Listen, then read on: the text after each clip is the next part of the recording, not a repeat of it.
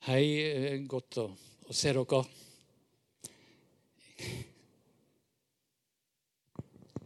ikke det godt å være i tilbedelsen?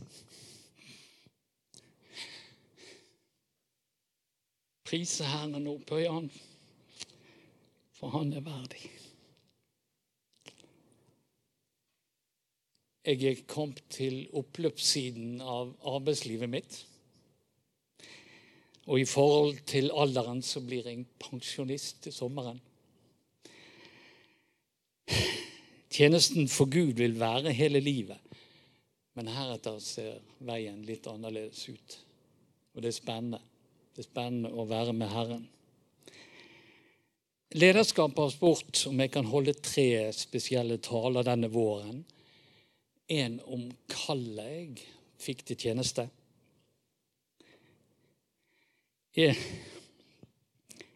En om selve livet, den etappen som jeg har løpt. Og hva jeg har lært og er om den tiden som kommer. Hva jeg ser som er viktig å gi videre til de som nå tar over. Dette syns jeg er spennende, og jeg er takknemlig for muligheten til å dele min erfaring med Gud og tjenesten hans for Han. Et av favorittversene mine inneholder nettopp dette med å fortelle videre hva Gud har gjort i mitt liv. Eh, og det er noe vi alle kan gjøre med stor frimodighet. For livet og evner, ja, alt vi har, har vi jo egentlig fått av Gud. Salme 73, 28. Men for meg er det godt å være nær Gud. Jeg tar min tilflukt til Herren. Jeg vil vitne om alle dine gjerninger. ikke det flott salme? Jeg ønsker å gi Gud æren, for Gud har gitt meg alt jeg er og har. Og dette synger Amber Crouch i sangen My Tribute, All That I Am and ever hope to be. I owe it all to thee, synger han. To God be the glory. To God be the glory. To God be the glory for the things he has done. Det er kjempeflott.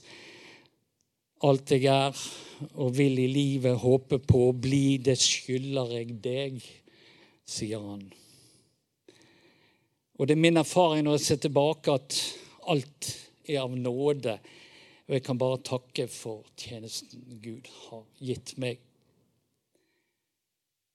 Kalle mennesker til tjeneste er noe Gud gjør hele tiden. Og jeg tror ikke at han slutter med det før han kommer igjen. Før Jesus kommer igjen. Gud kaller, Gud taler, og det går ut hele tiden. Og han vil holde på med det fordi at budskapet har hast. Han vil at alle skal bli frelst. Kall det individuelt. Gud kaller den han vil, til hva han vil. Og vi må erkjenne han vet best. Gud kaller alle mennesker, enten det er kalt til frelse eller tjeneste. Noen kalles til tjenester i Guds rike som er veldig synlige, og synlige for mange. Sånn som Billy Graham og Reinhard Bunke og sånne. ikke sant? Men han kaller også andre tjenester til folk som er nesten usynlige i Guds rike. Men alle er like viktige. Og jeg har alltid opplevd at det er noe sunt over den holdningen og innstillingen som Lina Sandell presenterer i en av sine sanger. Gjør det lille du kan og tenk slett ikke på at så ringe og lite det er. Er det arbeid du fikk som en dråpe i hav, vær tilfreds at han ga det til deg. På samme som vi, måte som vi gleder oss over de som taler for store menneskemengder over hele verden, skal vi glede oss over å være takknemlige for den tjenesten vi har fått der vi er. Gud har i sin kjærlighet til oss gitt oss den tjenesten. Vi passer til, og han utruster oss. Han gir oss det han trenger. Det han vil ha, et villig hjerte som sier ja. Her er jeg, send meg. Eller ja, jeg går der du vil ha meg. Et kall kan, fra Gud kan være så mangt. Som Moses, som så den brennende busken som ikke brant opp. Gud møter han der ved busken og kaller han til å lede israelsfolket ut av fangenskapet i Egypt. Det kan òg være som Gideon, som fikk besøk av en engel som kom med budskap fra Herren. Kalt til å stå opp og lede folket. Men det kan òg være så enkelt at du får et spørsmål om å gjøre noe. Eller du kan få en tanke om å gjøre noe som Gud gir og bekrefter seinere. Jeg fikk først et spørsmål en gang i løpet av 1973. Da var jeg 18 år. Jeg ble spurt om å være med i en barneforening i Arna. Et ektepar som var med i Betel, Betel i Bergen. Bodde i en av blokkene vis-à-vis fotballbanen rett borti der Eh, ved Odnamarka skole. Eh, og de hadde en barneforening i hjemmet sitt. Arbeidet vokste, og deres leilighet ble for liten, og vi flyttet over til tilfluktsrommet i skolen. Vi var den gang to ungdommer fra Betel som reiste ukentlig ut til Arna for å være med i barneforeningen. Edith og meg giftet oss i 1977 45 i går.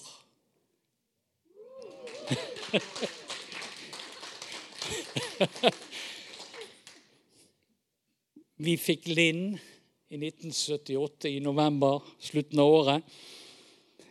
Og det ble mindre tid til menigheten etter vi ble foreldre. Og her er et punkt som jeg har lyst til å stanse med.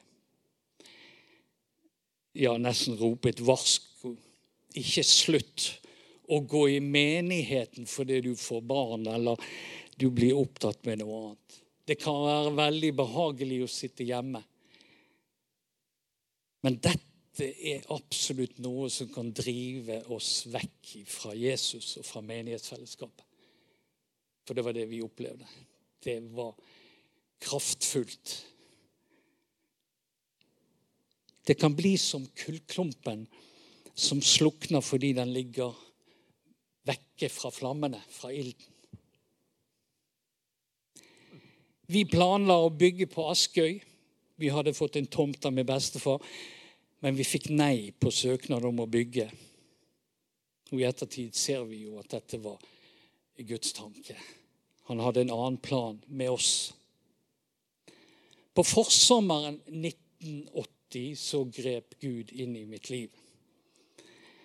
Jeg fikk et spørsmål først der fra formannen i Betel om jeg ville være med å stille til valg til lederskapet i menigheten. Det var ikke uvanlig med et slikt spørsmål. Men det svaret jeg ga, har jeg forundret meg over siden.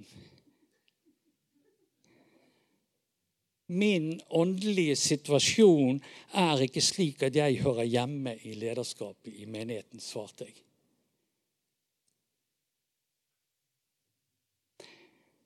Så en kveld, etter at vi hadde lagt oss, så sier Edith vi må lese litt i Bibelen. Og så leste hun fra 1. Peter 5,11, og nå kommer det opp her etter hvert så jeg leser. Og det var bare dette hun gjorde. Hun leste bare disse versene. Og det ble en del av mitt kall. Og nå ber jeg de eldste blant dere, jeg som selv er en eldste og et vitne om Kristi lidelser, og har del i herligheten som skal åpenbares. Vær hyrder for den Guds jord som dere har hos dere. Ha tilsyn med den, ikke av tvang, men av fri vilje, slik Gud vil. Gud gjør det ikke for vinnings skyld, men med et villig sinn. Dere skal ikke herske over menigheten som er betrodd dere, men være et eksempel for jorden. Når så overhyrden åpenbarer seg, skal dere få herlighetens krans som aldri visner. Dere må underordne dere under de eldste.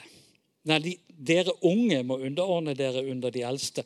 Og alle skal dere være kledd i ydmykhet mot hverandre. For Gud står de stolte imot, men de ydmyke gir han nåde. Ydmyk dere da under Guds mektige hånd, så han kan opphøye dere når tiden er inne. Kast alle bekymringer på ham, for han har omsorg for dere. Vær nøkterne og våk. Deres motstander djevelen går omkring som en brølende løve for å finne noen å sluke. Stå ham imot, faste i troen. Dere vet jo at deres brødre rundt om i verden må gjennomgå de samme lidelser.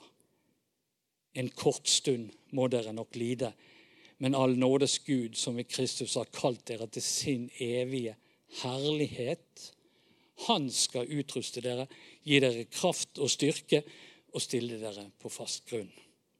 Makten er hans i all evighet. Amen. Jeg ble der og da forandret. Det var som om Gud snudde mitt liv opp ned. Det var helt enormt. Det, det er som om det står i Hebreerne 4,12. For Guds ord er levende og virkekraftig og skarpere enn noe tveget sverd det trenger gjennom til det kløver sjel, ånd, marg og ben og dømmer. Dømmer hjertets tanker og planer. Det gikk helt inn. Det var helt enormt. Og jeg opplevde det som står her. Gud viste meg at det livet jeg levde, ikke var det livet han hadde for meg. Han hadde noe mye mer. Jeg fikk en brann i mitt indre som varte lenge. Jeg kan ikke huske hvor lenge, men det var langt utover den sommeren der.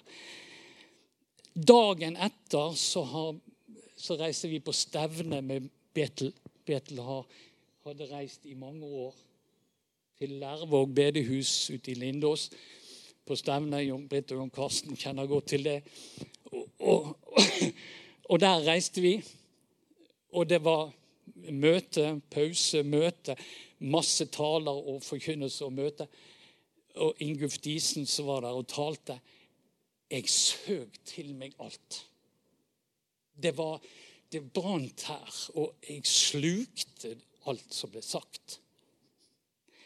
Og sånn var det framover. Alt ble annerledes i mitt liv. Jeg satt på kjøkkenet og leste i Bibelen. Det jeg leste, var om menigheten. Jeg fikk en helt spesiell interesse for menigheten. Og leste alt som hadde med menigheten, og i ettertid ser jeg nok at jeg blir ledet til det. En gudstjeneste i Betel midt på sommeren, en besøk til menigheten, og jeg hadde en kraftfull opplevelse. Jeg gikk fram til forbønn, og det gjorde flere, mange som gikk fram til forbønn, og jeg var en av de. Og der opplevde jeg å bli så fylt av Den hellige ånd at det var voldsomt. Gud utrustet meg. Etter det så var det noen øyne som var åpnet, og jeg så ting jeg aldri hadde sett før. Den første tiden var det ikke bare enkelt for de som var rundt meg. Verken for Edith eller folk i menigheten. For jeg var ikke stille. Min opplevelse snudde jo meg fullstendig. Jeg satt på kjøkkenet og leste i Bibelen. Det ble liksom svart-hvitt for meg. Hva som var synd, og hva som var greit. Det var helt enormt. Og i menigheten så uttalte jeg meg fritt. Jeg lette etter grunner til at menighetslivet ikke var sånn som jeg fant det i Guds ord. Og det, jeg gikk ikke stille fram. Og det endte med, og jeg er takknemlig og ser tilbake på den korrigeringen som jeg fikk, og veiledningen fra lederskapet.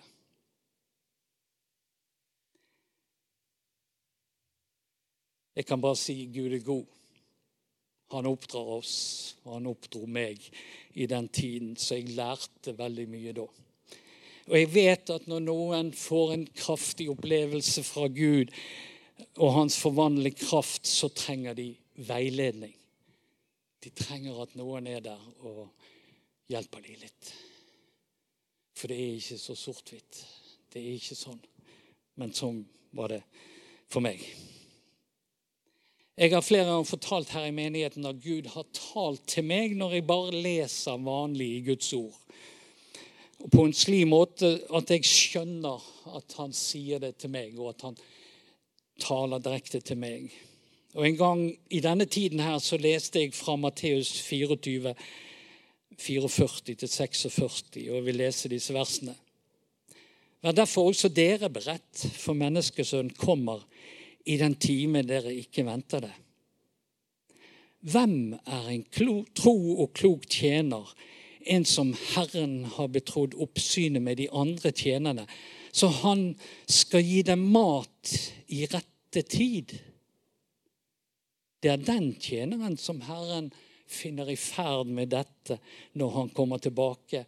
Lykkelig er han, står der.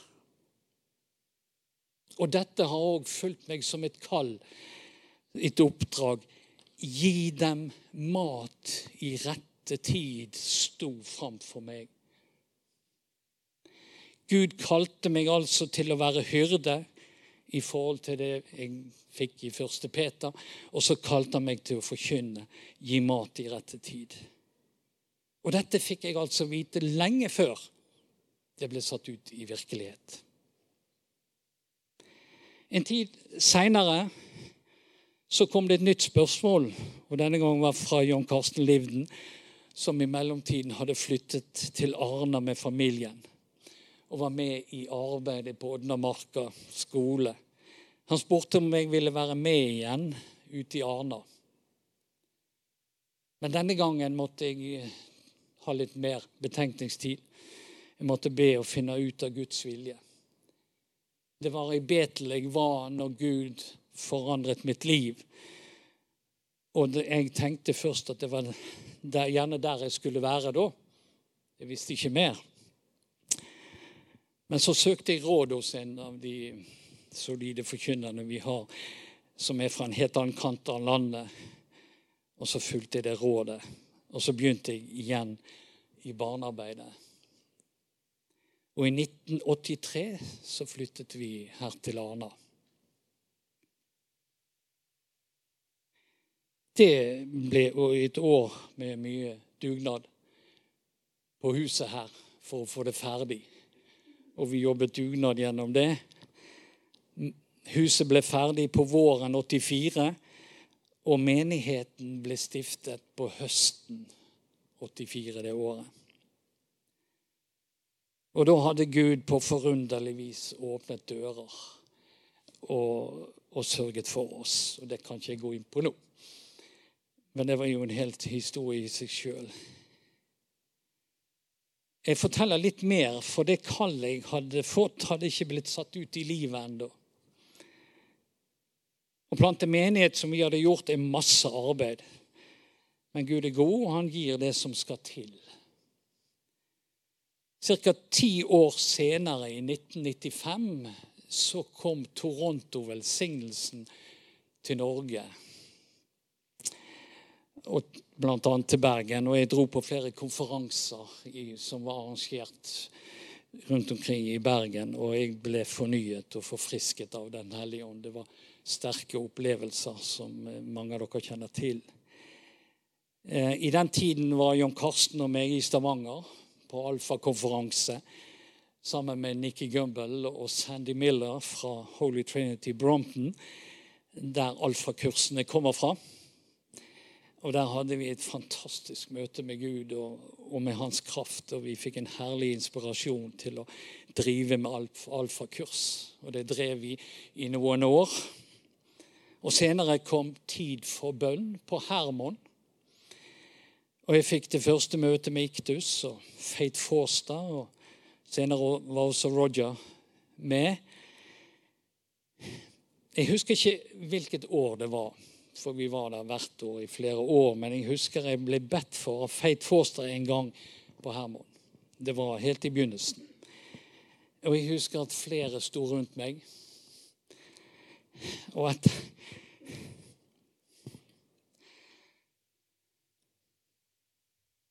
Etter den form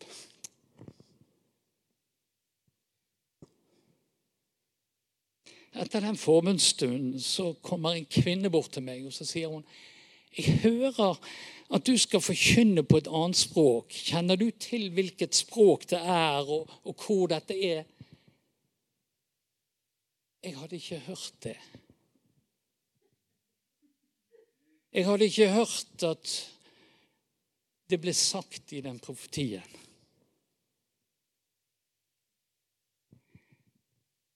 Men Gud ville at jeg skulle høre det. Jeg hadde ikke peiling, for å si det på godt bergensk. Jeg hadde så vidt begynt med å være med på noe som het Fritidsforkynnere, som eh, var en del av Hordalandsregionen av Misjonskirken. Noen fra menighetene kom sammen, og vi fikk litt undervisning i det å forkynne osv. Så jeg svarte henne OK, hvis det er det Gud vil, så får vi se. Våren 2001 talte jeg for første gang på engelsk i London. Å følge det kallet jeg fikk av Gud, har vært en spennende reise med mange overraskelser og med stadige påminninger om at Gud har kontroll. Det ble klart for meg, som jeg har vært inne på, at min tjeneste skulle være hyrde, og det var det Gud utrustet meg til. Og alt i det avsnittet som ble lest av Edith den dagen, det har aktualitet og har hatt betydning for meg og min tjeneste. Og det er egentlig her jeg finner det grunnleggende for tjenesten. Vær hyrder for den jord dere har hos dere. Ha tilsyn med den, ikke av tvang, men av fri vilje, slik Gud vil. Gjør det ikke for vinnings skyld, men med et villig sinn. Dere skal ikke herske over menigheten som er betrodd dere, men være eksempel for jorden. Sammen med dette ordet med å gi mat i rett tid. Å tjene Herren sånn har vært en bønn og et ønske for meg siden den gang. Og nå stopper jeg på en måte min, min del, personlige del i dette her. Og så fortsetter dette den 15. mai. Da skal jeg tale neste gang om disse tingene her. Men jeg har lyst til å si litt mer om det at Gud kaller for det er fantastisk. Og det kan være Gud kaller, og så spør han deg slik Jeg har en tjeneste og et oppdrag som jeg vil at du skal gjøre for meg. Det kan være det er så enkelt. Og jeg er overbevist om at Gud kaller fordi han elsker oss. Han elsker oss, og han det beste er det som han har planlagt for oss. Han har en plan. Han har en overordnet plan, og så har han en plan for hver og en av oss som passer inn i denne overordnede, universelle planen. Noen får kall for livet, andre får kall for kortere perioder, mens alle kall er like viktig. For som sagt, budskapet har hast. Ingen vet når Jesus kommer igjen for å hente oss. Og vi har blitt bedt om å være rede. Jeg har lyst til å ta med noen eksempler på kall fra Bibelen, og begynner med Jesaja. Jesaja kalles til profet i seks. Men den, så er han der i tronrommet foran Herren, og så kommer der en eh, engel Eller Jeg husker ikke det, men i hvert fall Mø, med den rørte han ved min munn og sa til meg Se, denne har rørt ved dine lepper. Din skyld er tatt bort. Din synd er sonet. Dette opplever Jesaja i, i dette her. Men legg merke til her at Gud kaller syndere. Han tok bort hans synd. Så vi kan ikke si at vi ikke er gode nok. Når Gud kaller oss. Så går ikke det an å si at du ikke er god nok. Du kan ikke bruke meg, for jeg er ikke god nok. For han tar bort synden. Han tar bort det gale i våre liv. Vi er alle gode nok. Og han har makt til å sørge for det. Tilbake til Jesaja og det synet han hadde altså foran Guds trone i himmelen. Så hørte jeg Herrens røst. Hvem skal jeg sende, og hvem vil gå for oss? sier han. Da sa jeg, se her er jeg, send meg. Og han sa, gå og si til dette folket. Og der stopper jeg. Legg merke til det jeg har sagt det mange ganger før, friheten som Jesaja her har. Det er så slående når du ser det. Det må være det, altså det syn han har. Der er han det eneste mennesket foran tronrommet. Og Gud sier 'hvem'? Han, han tiltaler ikke Jesaja. Han sier 'hvem skal jeg sende'? Og det er opp til Josiah å svare. Han har frihet. Han har frihet til å velge. Og det har vi. Vi har frihet til å velge. Se her er jeg, sa meg. Vi som lever i dag, ser hva dette førte til. Ser vi på Jesaja-boken, så er den på linje med salmene i Det gamle testamentet den boken som taler sterkest og er mest aktuell for vår tidsepoke, der vi lever. Jesaja er kalt den evangeliske profet. Han forutså både Jesu komme og Jesu andre komme. Gud er trofast mot den han kaller. Han har lovet å være med han er det, og det er min erfaring. Fra Nytestamentet Jesu kaller noen av disiplene fra Lukas 4 Nei, 5, unnskyld. Fra vers 4 her. Da han var ferdig med å tale, sa han til Simon, legg ut på dyp og kast noten til fangst. Mester, svarte Simon, vi har strevd hele natten og ingenting fått, men på ditt ord vil jeg kaste noten. Så gjorde de det og fikk så mye fisk at noten holdt på å revne. De gav tegn til kameratene i den andre båten at de skulle komme og ta i med dem. Og da de kom, fylte de begge båtene så de var nær ved å synke. Da Simon Peter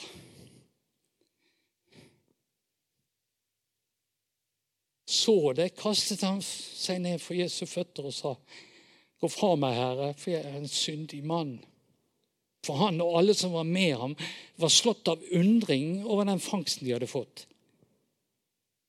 Likedan var det med Sebedeus' sønner Jakob og Johannes som fisket sammen med Simon. Men Jesus sa til Simon, 'Vær ikke redd. Fra nå av skal du fange mennesker.' Så rodde de i båtene i land og forlot alt og fulgte ham. Følg meg, så vil jeg gjøre dere til menneskefiskere. Igjen ser vi at han kaller syndere. Simon Peter bekjenner det. Han faller ned der og bekjenner det. Det er så stort Guds inngripen i, i hans liv og i deres liv.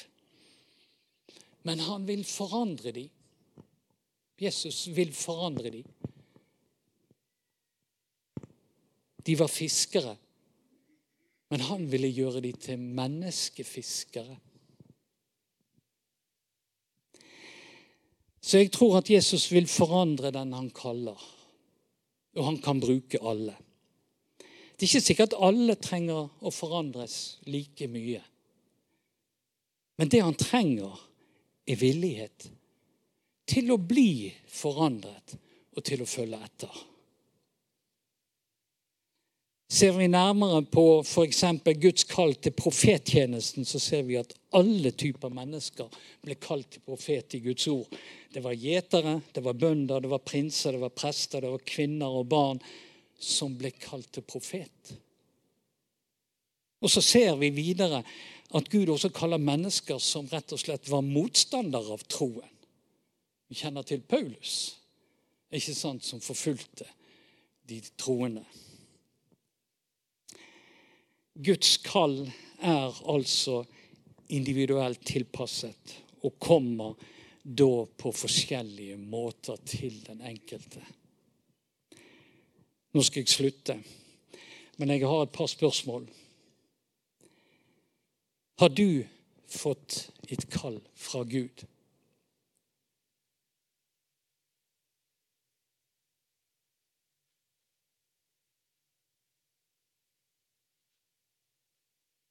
Har du fått et kall fra Gud som du ikke har respondert på?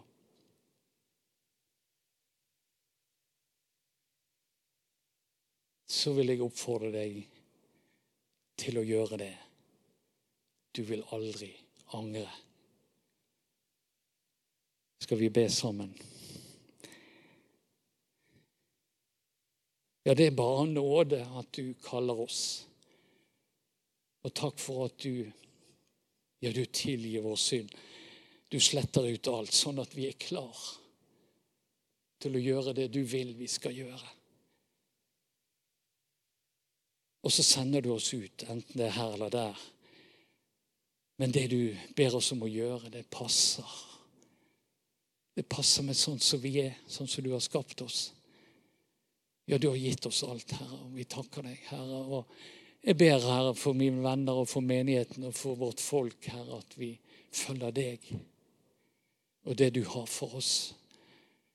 Takk for at du kaller fremdeles. Og jeg ber, Herre, fortsett å kalle og arbeide, slik at budskapet når ut, og mennesker kan leve tett ved deg og følge etter deg, også i vår tid, i våre dager. Det ber vi om.